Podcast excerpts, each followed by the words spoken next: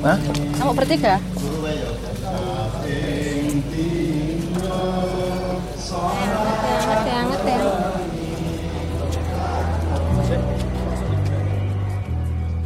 makna puasa secara umum atau secara mendasar atau kita sebut saja makna universalnya artinya belum makna syar'inya dan belum makna keagamannya makna puasa universal itu adalah bahwa Anda atau kita bersedia tidak menikmati apa yang sebenarnya berhak Anda nikmati.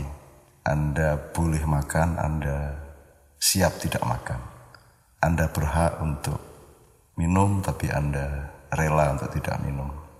Anda punya hak asasi untuk menjadi sesuatu dengan jabatan tertentu, tapi karena Anda punya pertimbangan yang bermacam-macam, mudarat manfaatnya, maka Anda ikhlas untuk tidak mengambil jabatan itu.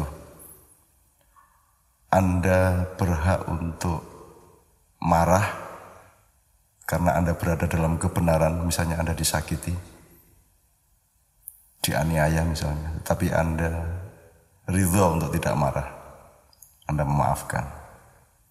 Semua itu adalah hakikat puasa. Jadi Anda ngalah.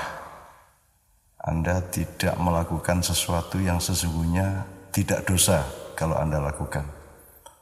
Anda siap, ikhlas, dan tidak ada masalah untuk tidak mengerjakan, menikmati, mengambil, menumpuk, atau apa pun yang sesungguhnya hukum apa pun, nilai dan moralitas apa pun memperkenankan Anda untuk menikmati itu semua.